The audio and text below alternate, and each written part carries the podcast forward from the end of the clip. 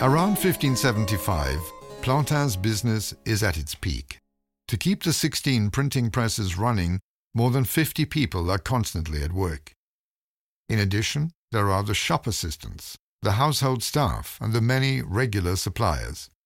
Plantin is in charge of a huge business with an enormous production. People work hard, but they also complain, argue, swear, and even get into brawls. Written agreements, ordinances, regulate the working conditions.